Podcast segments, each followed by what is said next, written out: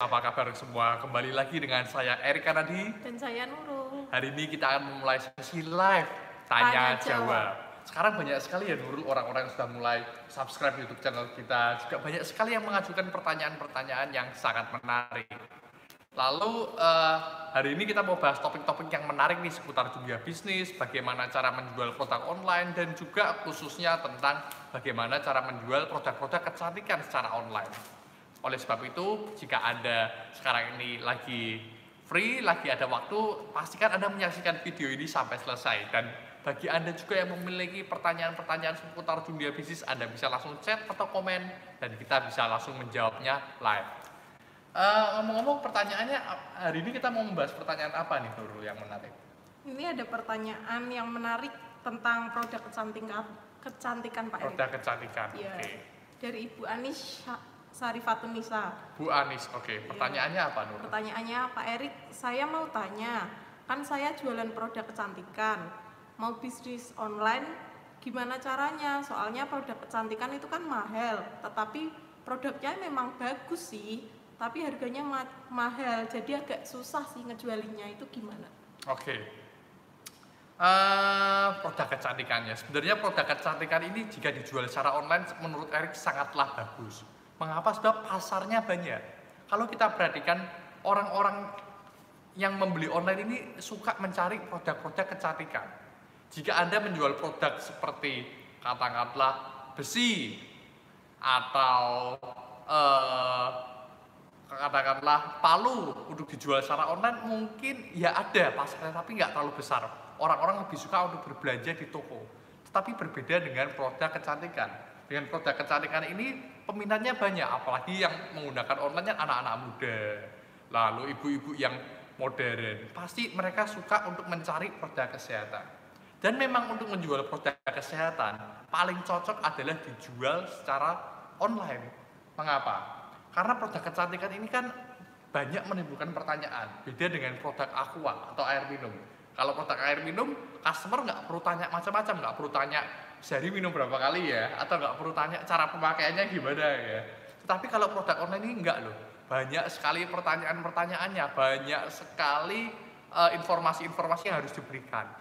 Oleh sebab itu, jika kita menjual produk kecantikan secara tradisional dengan cara kita masuk ke distributor, lalu masuk ke toko tertentu dan di sana mereka menjual mereka menjualkan barang kita akan sangat susah. Contohnya, saya menjual produk kecantikan dengan masuk ke toko A.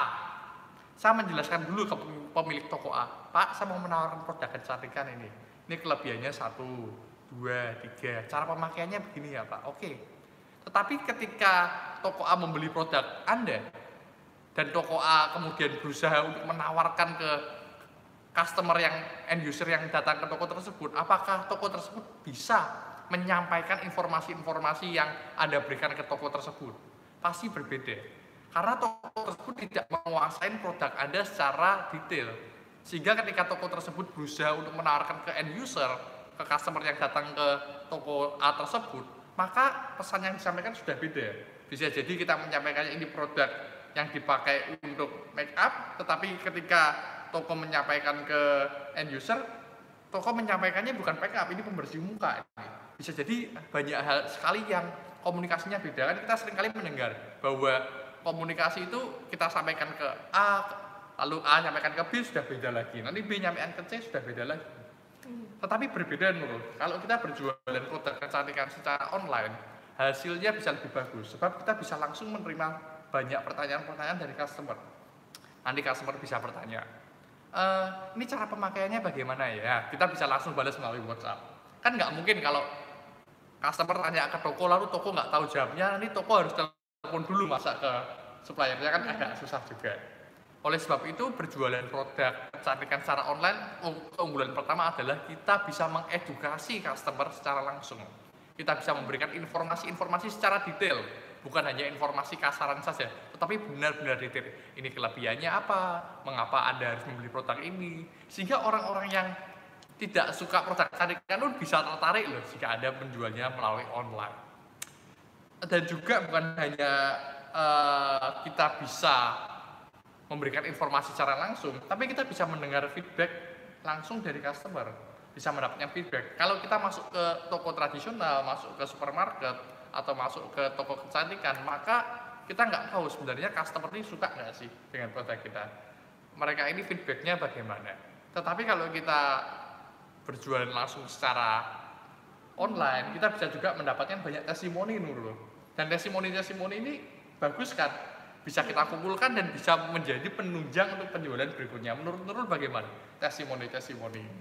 Wah, penting banget sih itu, Pak. Jadi kita kan kalau mau beli barang itu juga harus melihat testimoninya dulu sih. Betul sekali. Kan Kalau kita- nggak ada testimoninya sama sekali kan Iya, kita susah. nggak percaya kan Betul. sama produknya. Maka dari itu berjualan produk kecantikan secara online memang salah satu senjata yang sangat bagus. Pertanyaannya adalah eh, bagaimana caranya ya kita bisa berjualan produk kecantikan secara online. Sebelumnya apakah Anda pernah mendengar kisah sukses dari Kylie Jenner? Dia ini adalah salah satu artis, saya yakin Anda sudah tahu lah siapa itu Kylie, apalagi kalau zaman sekarang semua tahu lah. Lalu mengapa Kylie ini bisa sangat sukses? Dia berjualan yang namanya Kylie Lipstick. Wow, Kylie lipsticknya ini benar-benar bisa booming sekali. Produk kecantikan yang lipsticknya ini aja, wah bisa menjadikan dia self-made billionaire, billionaire US dollar. Sehingga dia berjual produk kecantikan di usia muda hanya lewat Instagram saja penghasilannya bisa sangat banyak Nurul. Oleh sebab itu menurut Erik cara yang bisa kita gunakan untuk menjual produk kecantikan secara online adalah menggunakan Instagram. Karena Instagram ini penggunanya rata-rata juga orang yang berani atau suka berbelanja online. Bukan hanya itu saja, tetapi banyak sekali ibu-ibu muda, anak-anak muda yang modern yang menggunakan Instagram. Sekarang aja presiden kita Jokowi aja juga menggunakan Instagram. Menteri Keuangan, Menteri Perikanan semua pakai Instagram. Kalau kita mau berjualan online, kenapa nggak kita memanfaatkan Instagram aja, Nur? Iya, benar. Bagaimana caranya? Simple. Buat Instagram. Buat Instagram account. Masukkan foto-foto yang bagus dari gambar produk Anda. Kalau bisa juga masukkan video-video yang bagus. Jangan lupa kasih testimoni kalau ada. Bisa testimoni dari screenshot WhatsApp atau testimoni live video tentang customer-customer Anda. Tetapi kalau kita sudah membuat Instagram yang bagus, itu saja menurut Erik nggak cukup. Coba Ibu bisa, Bu Anies bisa melakukan endorse. Endorse ke beberapa sosial, eh, sosialita-sosialita, endorse beberapa artis-artis terkenal. Karena endorse ini kelebihannya biayanya nggak terlalu mahal, nggak semahal biaya endorse di televisi. Anda cukup memberikan sampelnya aja ke mereka. Berikan sampelnya, lalu tanyakan, bisa nggak eh, membantu mempromosikan produk saya di Instagram Anda? Sebagian mau free loh, tapi sebagian lagi tentu ada biayanya. Nggak apa-apa, kita harus berani untuk melakukan promosi jika memang semuanya sudah siap, lakukan promosi. Dan jangan lupa untuk siap dalam sisi customer service. WhatsApp ini harus selalu aktif Nurul. Sebab kalau ada orang mau membeli produk kita, lalu kita responnya lama, bisa berpindah ke toko lain nggak Nurul? Iya. Kan kita kalau apa WhatsApp tapi balasnya lama kan menjadi ah lama nih responnya jadi ragu gitu loh Pak Erik. Bisa, Iya. bisa kita Ya, curiga ini iya. tokonya abal-abal nggak sih, ya Iya. kan? Oleh sebab itu WhatsApp ini sangatlah penting. Kalau kita mau bisa sukses berjualan online, kita harus menguasai bagaimana cara menjadi customer yang baik melalui WhatsApp. WhatsApp bukan SMS ya, sebab sekarang ini sudah bukan zamannya lagi SMS. Bagaimana cara menjadi seorang customer service yang dapat memengaruhi para pembeli melalui WhatsApp? Pertama kita perlu sadar bahwa 80% keputusan dipengaruhi oleh alam bawah sadar kita, bukan alam sadar kita. Jadi keputusan orang membeli suatu produk atau tidak dipengaruhi oleh alam bawah sadar, bukan otak kita. Khususnya perempuan, karena perempuan membeli bukan cenderung mengandalkan otak pikiran, tetapi lebih cenderung mengandalkan perasaan atau hati. Wah rasanya kok menarik ya, wah rasanya kok gini ya. Makanya kalau perusahaan-perusahaan besar menjual produk ke perempuan, dia memainkannya di perasaan, di emosi. Tetapi kalau ke laki dia mainkannya di fiturnya, seperti semisal mau menjual handphone, dia akan fokus ke oh ini RAM-nya berapa giga, oh ini eh, memorinya berapa giga, kecepatannya apa. Dia akan fokus ke fitur-fiturnya. Tetapi jika menjual produk ke perempuan beda. Wah ini luxury loh. Kalau pakai ini wah, kalau pakai sepatu Nike rasanya seperti atlet loh. Cara menjualnya beda. Oleh sebab itu kita harus fokus ke alam bawah sadar bukan hanya ke alam sadar saja. Nah, bagaimana caranya supaya kita bisa menjadi customer service yang baik, yang dapat jika WhatsApp dengan customer dapat mempengaruhi alam bawah sadar mereka. Salah satu hal simpel, satu hal saja yang bisa Anda gunakan adalah jangan lupa menyebutkan nama customer. Karena orang itu suka dengan apa yang namanya dihargai. Semisal namanya Bu Anis. Jangan kita sebut, Bu, jadi beli nggak? Jangan. Nggak Bu Anis. Ini produknya bagus loh Bu Anis. Kita sebutkan namanya berkali-kali berulang-ulang melalui WhatsApp itu akan mempengaruhi alam bawah sadar mereka sehingga mereka akan lebih merasa trust dengan kita percaya dengan kita mereka akan lebih merasa dihargai dengan kita dan mereka juga akan lebih merasa nyaman. Berbeda dong kalau misal kita uh, dipanggil oleh atasan kita heh kamu tolong ambilkan minum pasti kita akan merasa nggak suka. Apalagi heh kamu tolong ke sana. Apalagi kalau kita di mall misalkan nama saya Erik lalu ada orang yang manggil saya Erik Erik Erik ke sini saya melihat ke belakang lalu ternyata yang dipanggil bukan saya Erik yang lain pasti saya akan tersinggung kan, aneh kan jadi oleh sebab itu jangan lupa untuk sebutkan nama customer dulu berkali-kali paling enggak sebutkan nama customer 10 kali sebelum anda melakukan deal sebelum anda menawarkan bu jadi mau beli atau tidak saya rasa ini sudah cukup untuk menjawab pertanyaan Bu Adis, Nurul. Iya. Bisa kita masuk ke pertanyaan berikutnya. Ada pertanyaan dari Pak Imu Abi. Pak Imu Abi, oke. Okay. Iya. Pak Erik, saya mau tanya, saya sekarang bekerja di sebuah dealer Honda di bagian marketing, tapi sulit sekali untuk bisa mendapatkan konsumen. Bagaimana sih caranya agar saya bisa mendapatkan konsumen minimal lima orang dalam sebulan? Lima orang dalam sebulan bukan hal yang mustahil, Tetapi sebagai seorang pasukan marketing, Hal pertama yang Anda harus kuasain adalah Anda harus menguasai produk Anda. Produk knowledge Anda, informasi produk Anda harus Anda ketahui secara detail. Bukan hanya informasi teori, tapi juga informasi lapangan. Pertama, Anda harus benar-benar mengetahui apa sih kelebihan produk Anda. Apa sih kekurangan produk Anda. Karena menawarkan produk ini seperti perang, bro. Jadi ketika kita berhadapan dengan customer, ketika kita menawarkan, kita mungkin akan berkata, wah produk saya bagus loh. Tetapi customer akan bertanya balik ke kita, wah tapi saya dengar kok ini punya kelemahan di sini ya. Saya dengar kok produk Anda punya kelemahan di sini ya. Dan jika kita tidak bisa menjawab pertanyaan tersebut, kita akan diskakmas dan kita akan susah untuk berjualan. Anda juga harus mempelajari apa sih kelebihan dan kelemahan produk kompetitor. Sehingga ketika Anda terjun ke lapangan, Anda tuh bisa benar-benar sudah seperti orang yang ahli, seperti orang yang siap karena confidence kita, rasa percaya diri kita bisa timbul jika kita ini memiliki persiapan yang matang. Oleh sebab itu, pastikan Anda benar-benar mengetahui produk knowledge apa. Dan kurang lebih pertanyaan-pertanyaan customer yang susah dijawab ini apa saja. Sehingga ketika Anda terjun, Anda bisa langsung uh, menjawab semua pertanyaan customer dan meyakinkan customer untuk membeli produk Anda. Tetapi Honda ini kan siapa yang nggak tahu sih Nurul? Saya yakin semua orang tahu Honda kan sehingga sebenarnya menawarkan produk Honda ini nggak susah loh. Karena saya yakin 80% 90% di Indonesia semua orang tahu Honda. Nggak mungkin orang tanya Honda itu apa sih? Apakah Honda itu minyak goreng? Nggak mungkin. Karena semua orang tahu baik laki baik perempuan tahu Honda.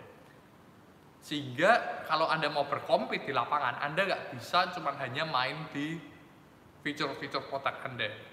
Anda harus membangun yang namanya trust, Anda harus membangun apa yang namanya kepercayaan bagaimana caranya supaya Anda ini bisa diingat dan juga disukai oleh pelanggan Anda. Erik akan memberikan salah satu contoh kisah ada seorang penjual terkenal di dunia ini, Erik lupa namanya, tapi dia disebut bahwa the best car salesman in the world. Penju salesman mobil terbaik di dunia. Yang dia jual mobilnya dengan salesman lain sama nggak sama Lalu apa yang menjadikan salesman ini berbeda? Produknya yang dijual sama kok, kok bisa dia dibilang salesman terbaik? Simple menurut. Ketika dia datang ke menawarkan produk ke customer, dia benar-benar sangat berapi-api. Dia minta kartu namanya, dan zaman dulu belum ada selfie, belum ada handphone ya. Dia meminta foto dengan customernya untuk setiap penjualan. Dan fotonya ini dipasang di rumahnya dan juga memberikan fotonya ini ke customernya. Sehingga dia benar-benar bisa sangat menghargai. Bayangkan fotonya setiap ada penjualan mobil dia berfoto dengan customernya. Dan fotonya itu di figura lalu dipasang loh. Jadi dia benar-benar sangat menghargai sangat appreciated dengan customer ini. Dan bukan hanya itu saja setiap customer setiap tahunnya akan ditelepon oleh dia. Untuk apa? Untuk mengucapkan selamat ulang tahun hanya untuk menelepon dan mengucapkan selamat ulang tahun setiap tahunnya. Jadi dia mencatat baik-baik. Or- eh, customer A ulang tahunnya kapan ya? Customer B ulang tahunnya kapan ya? Bahkan ketika dia sudah eh, ketika customernya sudah nggak berbelanja lagi dengan dia dia masih tetap menelpon customernya Nur. Pasti kan kita akan merasa sangat spesial kan? Iya. akan merasa sangat wow kan? Kalau kita ditelepon oleh eh, pacar kita atau ditelepon oleh keluarga kita kita aja sudah senang. Apalagi ini ditelepon oleh salesman kita. Salesman penjual mobil ini setiap tahunnya. Ini yang membuat dia berbeda. Ini yang membuat dia bisa menjadi salesman terbaik di dunia. Kalau Pak Ibnu ingin menjadi orang yang biasa-biasa saja salesman yang biasa-biasa saja ya bisa melakukan hal yang biasa-biasa saja normal. Tetapi untuk menjadi sesuatu yang spesial, untuk menjadi salesman yang terbaik atau menjadi seorang pasukan marketing yang handal, kita harus melakukan strategi yang orang lain tidak lakukan. Yang pertama yang bisa Erik berikan adalah jangan hanya fokus kepada penjualan saja. Jika Anda bisa mendapatkan kartu namanya itu sudah sangat bagus. Jika Pak Ibnu bisa tahu kapan tanggal ulang tahunnya, itu juga sangat baik. Dan jangan lupa untuk ambil foto bersama, ambil foto bersama, selfie, apalagi kalau mereka jadi beli produk Anda. Lalu Anda post di Instagram Anda, Anda bikin figura pun juga bisa. Sehingga customer akan merasa sangat appreciated. Jangan lupa bahwa 80% keputusan beli atau tidak dipengaruhi oleh alam bawah sadar, bukan alam sadar. Apalagi kalau Anda mau bermain di kompetisi seperti mobil Honda, yang sudah banyak sekali dealer-dealernya. Yang bisa membuat Anda berbeda adalah pelayanan Anda bagaimana Anda bisa men-treat customer-customer Anda. Dan jika Anda sudah memiliki nama baik, Anda memiliki kepercayaan, sangat mudah Nurul. Pasti customer ini kan memiliki banyak kenalan. Jika orang bertanya pada customer yang membeli, membeli mobil ini, kalau mau beli mobil sa- sama siapa ya? Ah, sama Pak Ibnu saja. Nanti dari mulut ke mulut akan menyebar, mau beli mobil sama siapa ya? Sama Pak Ibnu saja. Sama Pak Ibnu saja, orangnya baik loh. Yang diingat bu- bukan mobilnya, tapi karena, oh orangnya baik loh. Oleh sebab itu, fokus ke membuat customer service yang bagus, fokus membuat nama baik. Karena nama baik lebih berharga daripada sekedar penjualan-penjualan saja. Cukup menarik pertanyaan-pertanyaan dari subscriber kita ya Nurul ya. Iya. Erik, Sebenarnya masih ada banyak sih Pak Erik. masih ada banyak sekali. Iya. Kita simpan buat episode berikutnya ya Nurul ya. Oke. Dan kalau ada yang semua yang memiliki pertanyaan-pertanyaan seputar dunia bisnis, jangan lupa untuk langsung komen dan Erik akan bisa dan berusaha bersama-sama dengan Nurul untuk menjawab pertanyaan-pertanyaan Anda. Jangan lupa untuk subscribe YouTube channel Erik supaya Anda bisa mengikuti episode-episodenya seputar dunia bisnis. Karena cita-cita Erik dan visi dan misi Erik adalah Erik ingin melihat banyak pengusaha-pengusaha di Indonesia ini yang bisa menghasilkan sesuatu yang wow, yang mendunia, yang levelnya bisa internasional. Oleh sebab itu, mengapa nggak kita bersama-sama go internasional? Cukup untuk hari ini, Nurul. Cukup Pak Erik. Oke, sampai jumpa guys. Nurul mau juga mau ngucapin Oke, sampai jumpa. sampai jumpa semua. Kami tunggu di episode berikutnya. Salam sukses. Sukses.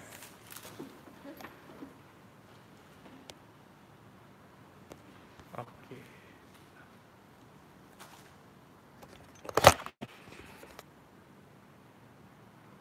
Oke. Ini cara matikannya gimana sih? Saya masih nggak tahu.